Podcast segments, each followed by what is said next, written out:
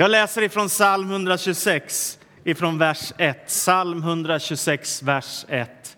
Det är en tid i Israels historia när Gud gör mäktiga ting och deras öde förvandlas. Så här står det. En vallfärdssång när Herren vände Sions öde. Då var allt som om vi drömde. Vi skrattade, vi sjöng av glädje och jublet steg från våra läppar. Och då sa man bland folken, Herren har gjort stora ting med dem. Ja, Herren gjorde stora ting med oss och därför var vi glada. Herre, vänd vårt öde liksom du ger liv åt bäckarna i Negev. De som sår under tårar ska skörda med jubel. Gråtande går de och sår sin säd och jublande kommer de och bär sina kärvar. Det här är en bibeltext som handlar om hur Gud griper in i historien för Israels folk. Är det problem med ljudet?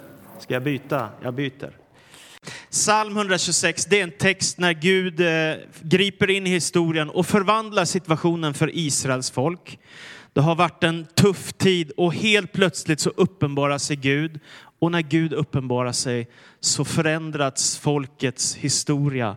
Det är som att bladet vänds i historien. Och det är så fantastiska ord som kommer. Det var som om vi drömde. Vi skrattade, vi sjöng av glädje och vi jublade inför Gud för vad han hade gjort i vår gemenskap. Och det är min bön för vår församlings framtid. Inte att vi ska vandra vidare lite trött eller att det inte händer något, utan att det ska hända stora saker. Det är mitt hjärtas bön. Jag längtar efter det. Den här veckan har vi varit på pastorskonferens i Stockholm eh, och vi har haft fantastiska dagar. Två saker tar jag med mig särskilt. Det ena var, vi hade en gästpredikant från Irland som leder en av pingströrelserna där. Och så berättade han att de hade fått ett profetiskt tilltal ifrån Herren via en människa som hade delat att Gud kommer att göra något nytt i er församling och det kommer se ut på helt nya sätt och det kommer få många nationaliteter. Han berättade lite olika berättelser sådär. Så att de hade förberett sig för detta och bett om detta och så gick det ganska lång tid. Och helt plötsligt så sa han så kom det in ett afrikanskt par för första gången i den här församlingens historia. Och då var det så att eh, innan de hann fram till pastorn så var det 21 familjer som hade velat bjuda hem dem på middag. De hade tränat ganska bra på vad de var till för. Att visa kärlek till nya människor. Fantastiskt. Tänk att få ha en sån församling som är så välkomnande, varm, öppen, kärleksfull och där människor känner här är jag viktig, här är jag älskad, här är jag värdefull, här får jag betyda någonting bara för den jag är. Det andra jag tar med mig från den här pastorskonferensen det var att Samuel Hector som är musikpastor i Philadelphia kyrkan i Stockholm, han hade fått en sång. Och det var nog en av de starkaste sånger jag har hört i mitt liv. Och innan Pelle Hörnmark som är vår ledare för pingströrelsen i Sverige skulle predika så sjöng han den sången. Och den handlade om att hålla ut, att inte ge upp, att inte släppa taget, att inte lägga ner den kallelse Gud har lagt över ditt liv. Och att Gud är trofast mot alla dem som älskar honom och som är trofasta mot honom. Och jag skulle försöka, försöka sitta och tolka för mina grekiska vänner. Det var ganska hopplöst för tårarna rann för mina kinder. Och när han var färdig så stod alla upp och applåderade. Håll ut, ge inte upp. Och precis det predikade Pelle om också. Och jag känner också att det är det som jag skulle vilja dela med dig den här dagen när vi har årshögtid. Uppmuntran, hopp, tro, att det är möjligt att Gud kan göra stora saker i vår gemenskap. Det står Herren har gjort stora ting med dem. Och den här berättelsen tycker jag är så fantastisk också som finns i psalm 126. Då står det, de som sår med tårar, de ska få skörda med jubel. Och det är en bild för allt det arbete vi gör, allt det vi gör när vi delar med oss av evangeliet till andra människor. Ibland är det med tårar som vi får kämpa. Men så står det också att det finns ett löfte om att man kan få skörda med jubel, se människor komma till Jesus. Det vill jag uppmuntra dig med. De som sår under tårar ska skörda med jubel. Det finns ett löfte ifrån Gud. Tänk på Guds trofasthet. Låt mig bara ta några exempel. Jag tänker på Josef. Josef i Gamla Testamentet, han fick en dröm av Gud och Gud talade till honom om vad han hade förberett för Josef. Och så gick en kort tid bara och så vad händer istället? Jo, han hamnar i en brunn och tänker, kommer jag överleva detta? Var det verkligen från Gud? Men sen bara en tid senare så är han i Egypten och Gud öppnar ena dörren efter den andra för honom. Och Gud välsignar honom på ett otroligt sätt. Tänk på Mose, hur misslyckad han måste ha känt sig när han får fly ifrån Egypten och ge sig av där och vandra runt i öknen. Och så helt plötsligt så talar Gud till Mose igen och Mose får vända tillbaka och en dag står han tillsammans med sin bror inför farao och säger släpp mitt folk. Naturligtvis något helt omöjligt, men det går bara en tid så händer det som Gud har sagt och hela Israels folk vandrar ut till sitt förlovade land. Tänk på Gideon i Gamla Testamentet, en som var i en så fruktansvärt svår situation. Och han tänker, jag är den minste i den obetydligaste av alla familjer, jag kan inte göra något. Så talar Gud in i hans liv och säger, jag vill använda dig Gideon. Jag har en tanke med ditt liv och jag vill göra något i dig och genom dig. Och Gideon svarar, jag kommer från den obetydligaste av alla släkter. Jag är den obetydligaste i min familj. Jag kan inte. Och Gud säger du kan och jag ska visa dig. Och till sist så vandrar han iväg med 10 000 människor för att försöka besegra midjaniterna. Och då säger Gud, ni är för många. Till sist är de 300 kvar och Gud visar Gideon hur han ska göra och så segrar de med midjaniterna, flyr därifrån utan en enda strid. Tänk på Debora i Gamla Testamentet. Israel lever i förtryck, elände och svårigheter och prövningar. Då en, en kvinna som blir profetissa, som reser sig upp och är frimodig och tillsammans med Barak så går de emot förtryckarna och de segrar och de vinner tack vare ett tilltal för Gud. Och så för 3000 år sedan skriver hon den här sången. Jag vill sjunga, besjunga Herren, jag lovprisar Herren, Israels Gud. Tänk för 2000 år sedan i Nasaret, en ung kvinna får en röst ifrån en ängel ifrån himlen och så hör hon du ska föda en son och du, du ska ge honom namnet Jesus. Jag gissar att hon inte tänkte då det kommer att förvandla världshistorien. Det tror jag inte. Men det var faktiskt vad som hände efter det. Så tänk på Guds löften och Guds trofasthet. Och när jag var på pastorskonferens den här veckan och skulle gå och dricka lite kaffe, en sån här vanlig dag, så kommer en pastor från en annan stad som jag aldrig någonsin har träffat förut. Och så säger han, när jag såg dig så fick jag ett ord ifrån Herren till dig, att det som Gud har förberett för er, det kommer att hända så kände jag tack gode Gud att jag får vara med i en gemenskap där man tror att Gud kan göra saker i människors liv och i församlingar, också i ett sekulariserat land 2016. Och jag tänker på orden ifrån profeten Jeremia. Jag vet väl vilka tankar jag har med sig Herren. Välgång och inte olycka. Jag ska ge er en framtid och ett, ett hopp. Jag tänker på vad Gud säger till Josua. Jag har ju sagt var tapper och stark, låt dig inte skrämmas, bli inte förskräckt. Herren din Gud är med dig i allt vad du gör. I allt vad du gör. Och vi har sjungit idag, löftena kunna ej svika. De står evigt kvar. Himmel och jord må brinna, men dina ord finns kvar där. Så jag vill bara uppmuntra inför det här året, det som ligger framför. Jag ber och jag ropar till Gud att det som han har förberett för oss, det ska vi få fullborda. Och nu ska Jenny få ta över en liten stund och så ska jag bara knyta ihop säcken om en stund.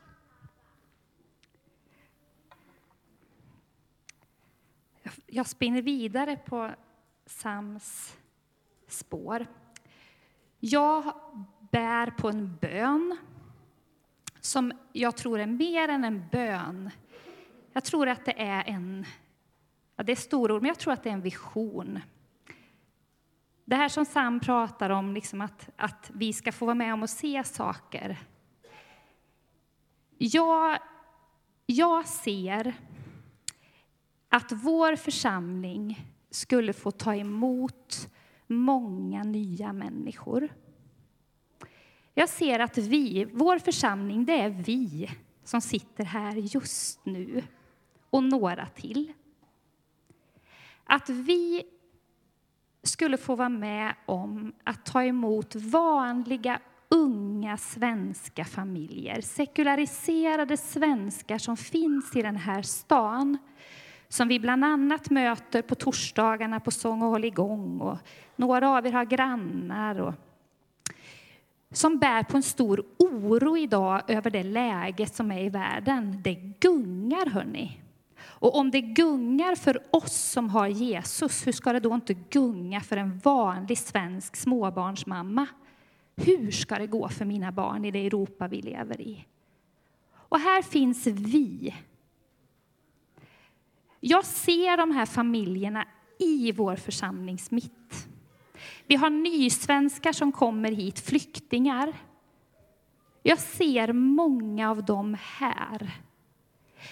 Vi har studenter. Det finns en, en trend bland kristna ungdomar idag som flyttar iväg, att man inte hittar en församlingsgemenskap. Jag tror det finns ett stort gäng studenter på vårt universitet. Jag, har, jag kan se ett helt gäng studenter hitta in i vår församling. Jag vill läsa från Hebreerbrevet 11 där det står i vers 1.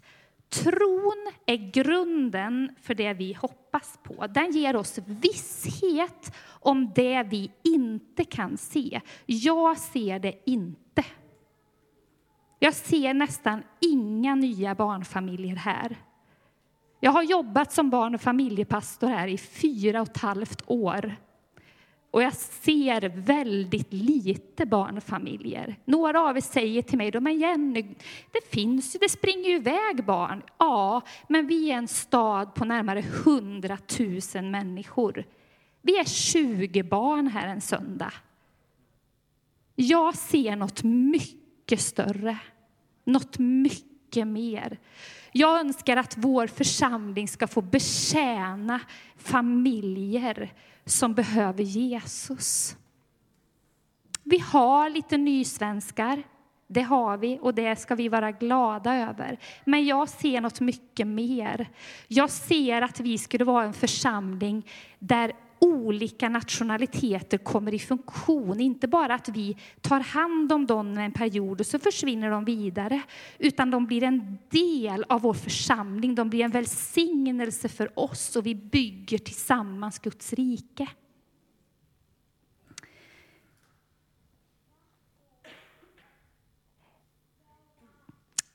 Min bön är då, när jag gång på gång ser det här och frustreras över att det inte är nu. Min bön är att vi ska börja längta efter Guds möten. Därför att jag tror att annars så kanske vi sitter och tänker, nej men jag orkar inte massa nysvenskar. Jag orkar inte massa småbarnsfamiljer. Ska vi ha fler barn som springer i gångarna? Det är rörigt som det är. Jag orkar inte fler i kaféet. Det är rätt jobbigt, Jenny, att vara i en servicegrupp. Jag förstår den reaktionen. Helt och fullt. Jag tänker detsamma ibland. Därför tror jag att jag behöver gång på gång få den helige Andes kraft och liv i mig. För där är nyckeln till att det börjar bubbla i mig. Jag vill ge till någon mer. Och därför så längtar jag efter att vi ska börja längta jag längtar efter att när vi ska gå på smågrupp så tänker vi när vi åker, vad ska Gud säga idag? Vem ska vi få be för ikväll? Kan jag få ge någon uppmuntran till någon på smågruppen ikväll? Kan Guds ord få bli levande för oss? När vi möts på dagledig träff, Gud, vem kan jag få säga någonting till idag? Gud, kan jag ta med mig en granne på dagledig träffen idag? Gud, kommer du säga något i bönestunden? När vi möts på Unity. Gud, vad vill du med den här kvällen? Inte en kväll till där vi bara fikar. Gud, använd oss till varann. Gud, låt det börja bubbla bland mina kompisar, det där som jag i hemlighet har i mig, men jag vågar inte riktigt säga det till kompisarna. Jag vill att det ska börja hända grejer. Kommer en längtan och sprid den.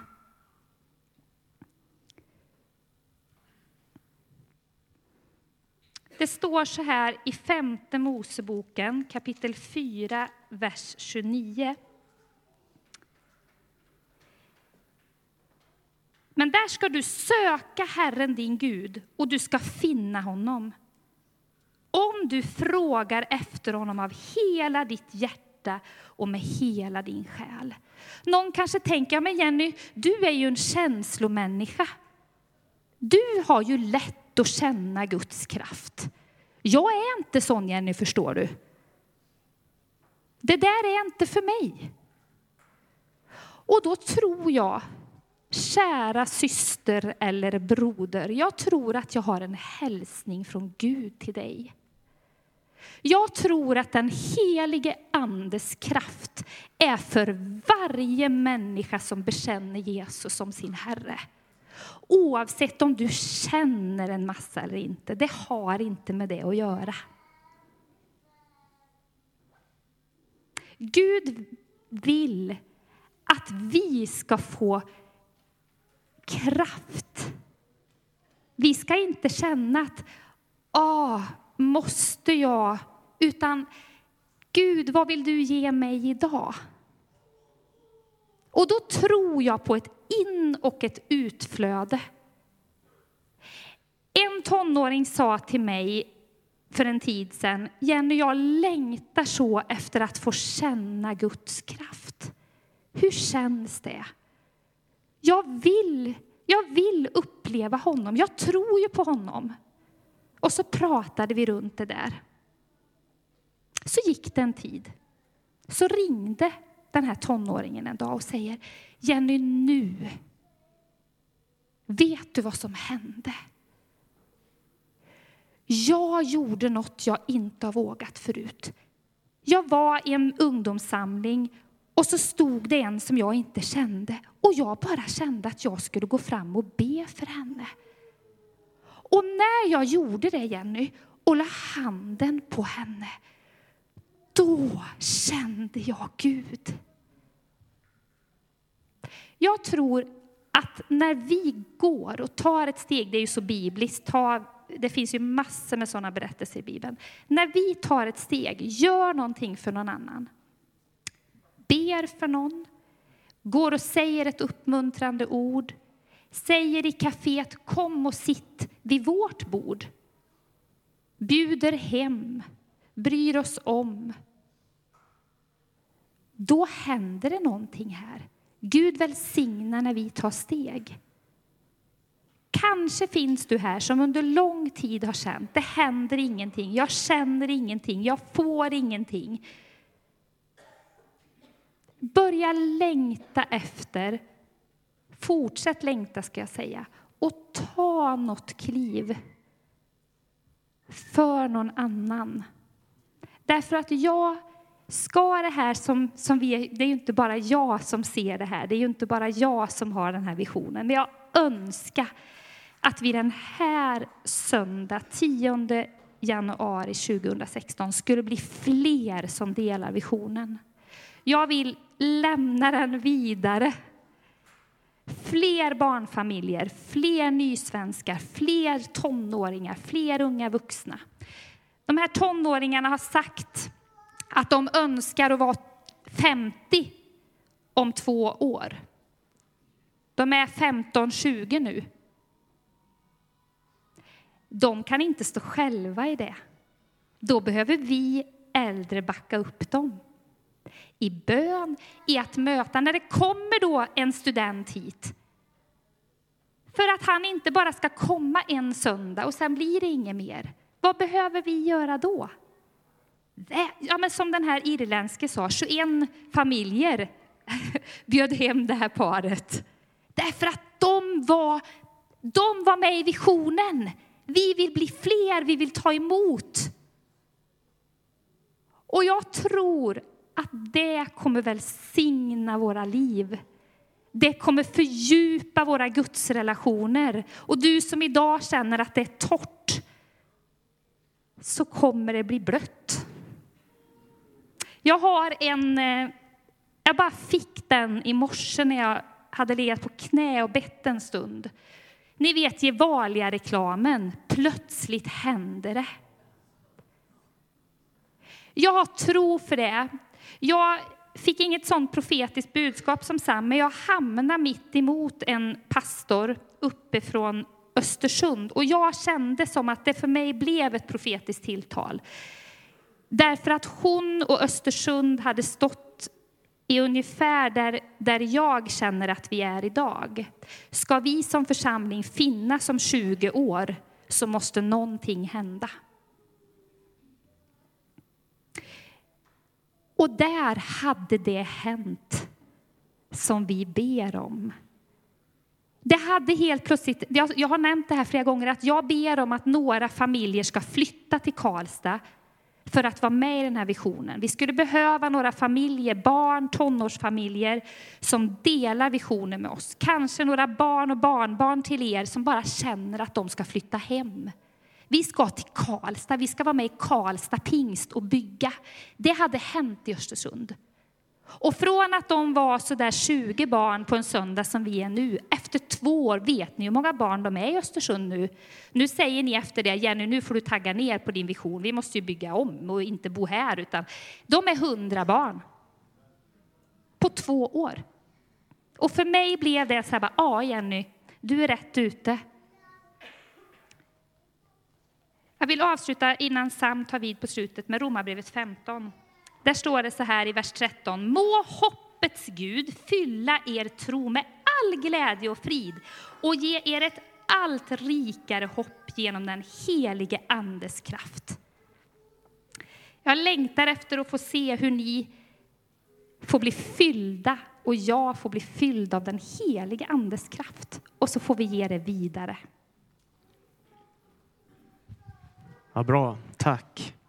Till sist så pratar vi ju idag om att renovera våran kyrka. Vi har pratat om att göra om våran utsida. Vi har pratat om att bygga en ungdomsgård här under läktaren och riva väggen. Vi har pratat om att byta bänkarna till stolar och vi har pratat om att vi skulle kanske göra om lite här fram på estraden också.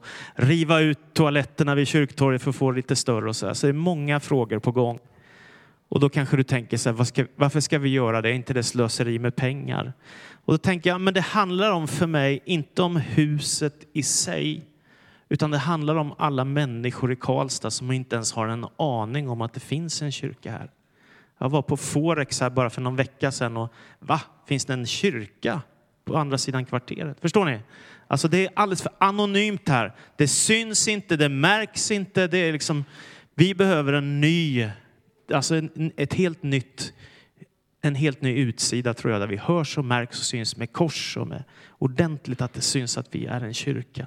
Och att det blir roligt att bjuda hit sina tonårskompisar eller vad det nu är. Att det blir fräschare helt enkelt. Det längtar jag efter. Inte för kyrkan i sig, utan för att människor ska få fira nattvard, höra Guds ord, be tillsammans, lovsjunga Gud, bli frälsta, bli döpta, möta Jesus, få ett förvandlat liv. Allt det där längtar jag efter och så som avslutning så tänker jag så här att jag har lust att sparka den här fotbollen nu rakt ut i församlingen, men det gör jag inte. Jag bara tar den som en illustration för att i mitt hjärta är det avspark just nu. Alltså det behöver hända mer saker i Karlstad i vår församling. Jag skjuter inte iväg, jag lovar. Men det är tid för detta, att skjuta iväg ordentligt det här behöver bli någonting större, starkare och mer för våran stads skull. I Jesu namn. Amen. Gud, så ber vi att du välsignar den här eh, stunden som vi nu går in i också här med samtal när vår ordförande ska leda oss in i samtal om renovering. Och jag ber Gud att du ska leda våra samtal och våra hjärtan, Herre. Inte för att någon människa ska få sin vilja fram, utan för att det som behagar dig, det som kan leda till att fler människor lär känna dig, det är vår bön att det ska få hända. Så i Jesu namn välsigna våra samtal, välsigna Per som ska dela detta med oss och låt oss få en underbar eftermiddag och kväll tillsammans. Det ber vi om i ditt namn. Amen.